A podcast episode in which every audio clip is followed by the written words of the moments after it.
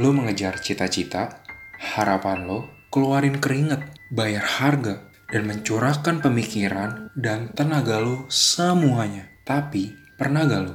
Sekali aja dalam hidup lo, mikirin cita-cita, harapan Tuhan kita. Dalam Efesus 4 ayat 13 bilang, Sampai kita semua telah mencapai kesatuan iman dan pengetahuan yang benar tentang anak Allah kedewasaan penuh, dan tingkat pertumbuhan yang sesuai dengan kepenuhan Kristus. Inilah yang sebenarnya Tuhan harapin di hidup lo. Dia mau supaya hidup lo mengenal Tuhan secara penuh. Dia juga mau lo bertumbuh dewasa di dalam dia, sehingga lo bisa bersatu dengan anak-anaknya tanpa ada perpecahan.